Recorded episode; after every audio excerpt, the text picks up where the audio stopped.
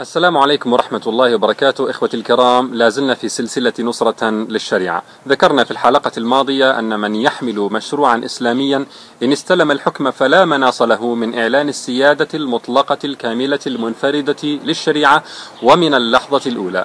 وذكرنا أن هذا لا يعني بالضرورة إتيانه بالواجبات كلها وإلغاء المنكرات كلها دفعة واحدة. لكن ما دام القانون إسلاميا محضا والدولة تطبق ما تقدر عليه فالشريعة مطبقة. وذكرنا أمثلة عملية للنقلة الكبيرة التي يحدثها إعلان سيادة الشريعة.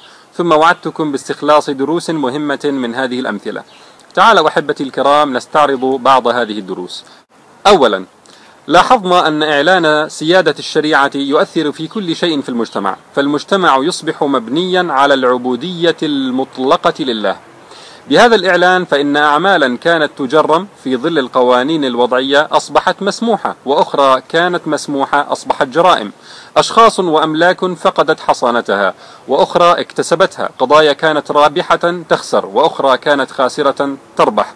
اتفاقيات تلغى وأخرى تبرم. كل هذا بإعلان تطبيق الشريعة ومن اللحظة الأولى. حتى إن لم تستطع الدولة إنفاذ هذه الأحكام مرة واحدة فإن تسميتها وتوصيفها الشرعي يبقى ذا أثر كبير. فرق كبير بين أن يعرف الفرد أنه يفعل شيئا محظوظا عليه تشجعه الدولة وأن يفعل شيئا ممنوعا يستوجب العقوبة. حتى إن تأخرت المثوبة والعقوبة إلى حين قدرة الدولة واستطاعتها فتوصيف الأفعال يبقى ذا أثر كبير في سلوك المجتمع. ثانيا لاحظنا أن البديل عن إعلان سيادة الشريعة هو أن تحكم الدولة الإسلامية بالقانون الوضعي الجاهلي. عندما نقول إسلاميون في الحكم فهم دولة. ليس لهم أن يقفوا موقف المحايد من التصرفات والأشخاص والقضايا. إما أن يحكموا بالإسلام وإما أن يحكموا بالقوانين الوضعية الجاهلية. أفحكم الجاهلية يبغون ومن أحسن من الله حكما لقوم يوقنون. ولبيان ذلك أكثر أرجو مراجعة الحلقة الثالثة بعنوان المعنى الخطير للتدرج. فيا من تطالبون بعدم إعلان سيادة الشريعة من اللحظة الأولى اعرفوا ما يؤدي إليه ذلك. أن تصبح الدولة الإسلامية حارسة للقوانين الوضعية منفذة لها معاقبة لمن يخالفها مثيبة للعاصي معاقبة للمطيع. ماذا بقي لها من اسم الإسلامية حينئذ؟ هل تقبلون للدولة الإسلامية أن تفعل ذلك ولو ليوم واحد يا أصحاب التدرج؟ آلمني ما سمعته من أحد الدعاة وهو يقول لمستمعيه في المسجد ما تظنوش أن الإسلاميين إذا وصلوا الحكمة حيغيروا كل حاجة مرة واحدة؟ يمكن ما فيش حاجة من القوانين حتتغير أول سنتين ثلاثة لكن الناس حتبقى نظيفة. وهذا كما ترون إخواني كلام خطير للغاية يدل على عدم وعي لمعنى أن تكون في الحكم أو على تجويز أن يسوس مسلمون المجتمع بقوانين جاهلية وضعية. إن لم يتغير شيء من القوانين فستبقى الأماكن التي تمارس فيها المحرمات قانونية كما كانت في القانون الوضعي وتستحق من الدولة الحماية والرعاية ضد من يريدون إنكار منكرها. فهل يتصور أن تعين الدولة الإسلامية في النهاية حراسا ملتحين على أبواب الخمارات والنوادي الليلية؟ ما لكم كيف تحكمون؟ فيا من تدافعون عن التدرج اعرفوا عما عن ماذا تدافعون. اعرفوا عن ماذا تدافعون. ثالثا الفائدة الثالثة من الأمثلة التي ضربناها في الحلقة الماضية.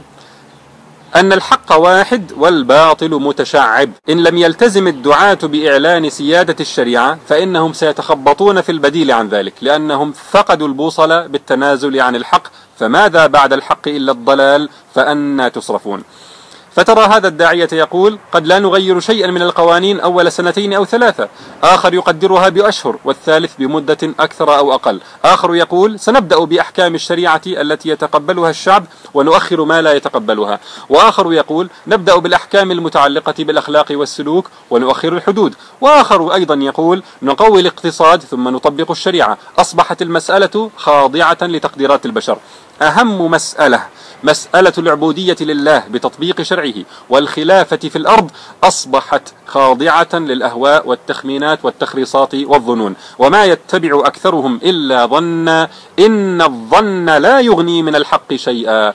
هل يظن بالله تعالى أن يترك هذه المسألة المصيرية مسألة العبودية لله بتطبيق شرعه أن يتركها لظنون البشر هكذا؟ فالحق واحد وهو في إعلان السيادة المطلقة التامة للشريعة من اللحظة الأولى. ومن تخلى عن ذلك دخل في تشعبات ومتاهات وتخبطات الباطل. رابعا إعلان السيادة للشريعة من اللحظة الأولى هو عقد بين الحاكم والمحكوم ملزم للطرفين يمنع أيا منهما من التلاعب. وبه تسقط الحصانات الزائفة حتى عن الحكام. لأنهم إن زاغوا عن تبعات هذا الإعلان فإن على الشعب أن يحاسبهم ويقيس أفعالهم إلى هذه المسطرة الواضحة مسطرة الشريعة. فالعاملون للإسلام ليسوا معصومين. إن وصلوا إلى الحكم فما الذي يضمن ألا تصيبهم لوثة السلطة والأبهة التي أصابت من شغل المناصب قبلهم؟ معقول؟ نعم معقول لا عصمة لأحد. إن كنا نرى تنازلات قدمت من البعض هذا وهم بعد لم يصلوا إلى الحكم. فما الحال عندما تذاق حلاوة الألقاب والمشي على السجاد الأحمر؟ ونحن مأمورون أن نأخذ بظواهر الناس في الخير والشر. لا يغنينا أن يقول قائل نيتي طيبة. أما النوايا فأمرها إلى الله عز وجل. لذلك فنحن لا نقبل ابدا هذه العبارات المائعة الرمادية التي تستخدم هذه الأيام بديلا عن عبارة تحكيم الشريعة ومن اللحظة الأولى ومن اللحظة الأولى.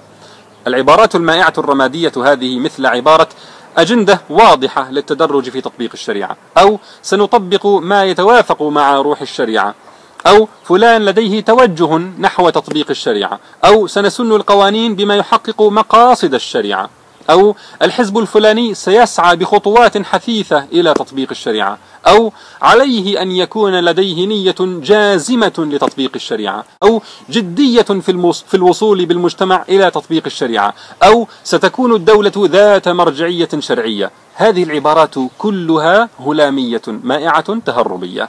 حتى وإن استخدمت فيها كلمات الجدية والحزم والعزم والصدق تبقى مائعة هلامية غير مقبولة. إخواني تطبيق الشريعة عقد.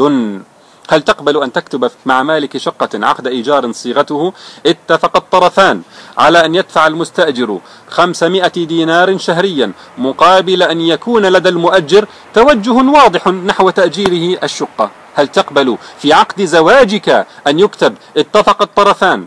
على أن يدفع الرجل المهر مقابل أن يكون لدى ولي المرأة نية جازمة لتزويجه إياها هل تقبل بذلك؟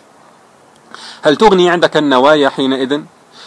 كذلك تطبيق الشريعة عقد بين الحاكم والمحكوم المحكوم يبذل الطاعة والولاء ويتعبد لله بطاعة هذا الحاكم مقابل أن يلتزم الحاكم بتطبيق الشريعة. ثم هو قبل ذلك وفوق ذلك عقد مع الله عز وجل عقد عبودية وخضوع بتطبيق شرعه تعالى. لا تنفع فيه مثل هذه العبارات الهلامية. إن كنت لا تقبل هذه العبارات في عقد زواج أو استئجار فمن باب أولى أن لا تقبلها في أخطر ما تعيش من أجله العبودية لله تعالى بتطبيق شرعه. كلمة تطبيق الشريعة منضبطة يمكن قياسها وعبارات التوجه والموقف والتدرج والنية والرؤية والمرجعية ليست منضبطة ولا يمكن قياسها. إذا استلم من يرفعون مثل هذه الشعارات الحكم في يوم من الأيام ثم قست قلوبهم وأصابتهم لوثة الكرسي وأرادوا مداهنة الغرب لا خوفا على شعبهم بل خوفا على كراسيهم. فكيف سيحاسبهم شعبهم؟ إن فرطوا في أوامر الشريعة فطالبهم البعض بتنفيذها. فما الذي يمنع هؤلاء الحكام الإسلاميين من أن يقولوا نحن لدينا توجه حقيقي ونية صادقة لتطبيق الشريعة لكنه في تقديرنا أن الشعب غير مهيأ؟ والمرحلة لا تناسب. ونرى من المصلحة أن لا نطبق هذه الجزئية من الشريعة الآن. ونحن ما زلنا نتدرج في تطبيق الشريعة حسب أجندة واضحة. وفي أجندتنا أن علينا البقاء عند هذه المرحلة للأشهر القليلة القادمة. إذا طرأ الانحراف على الحكام الإسلاميين وبرروا بمثل هذه المبررات فما الذي يمنعهم؟ خاصة وأن عقدهم مع شعوبهم كان هلاميا من البداية. سندخل حينئذ في معركة الحكم على النوايا والاختلاف في تقدير الوضع يسمح ولا يسمح وما إلى ذلك. إذا كان هذا الدرس الرابع من الأمثلة التي ضربناها في الحلقة الماضية. هل بقيت هناك دروس؟ نعم. لكن حتى لا أطيل عليكم دعونا نناقشها في الحلقة القادمة بإذن الله. اسمحوا لي الآن إخواني أن ألخص الدروس الأربعة الأولى. أولا إعلان سيادة الشريعة يحدث انقلابا في موازين ومفاهيم وقوانين المجتمع من اللحظة الأولى. ثانيا البديل عن هذا الإعلان هو أن تحكم الدولة بالقانون الوضعي الجاهلي. ثالثا من تخلى عن إعلان سيادة الشريعة فسيدخل في متاهات الباطل المتشعب. رابعا إعلان سيادة الشريعة عقد لا تقبل فيه العبارات الهلامية. خلاصة الحلقة. إعلان تطبيق الشريعة من اللحظة الأولى هو الحق الأوحد وهو المفهوم المنضبط المحدد المقيس شرعا المقيس شرعا والذي يحاسب عليه كل من الحاكم والمحكوم. وما عداه حكم جاهلية وباطل متشعب ومفاهيم غير منضبطة ولا محددة تؤدي إلى انحراف الحاكم والمحكوم. وإلى لقاء في الحلقة القادمة بإذن الله. والسلام عليكم ورحمة الله.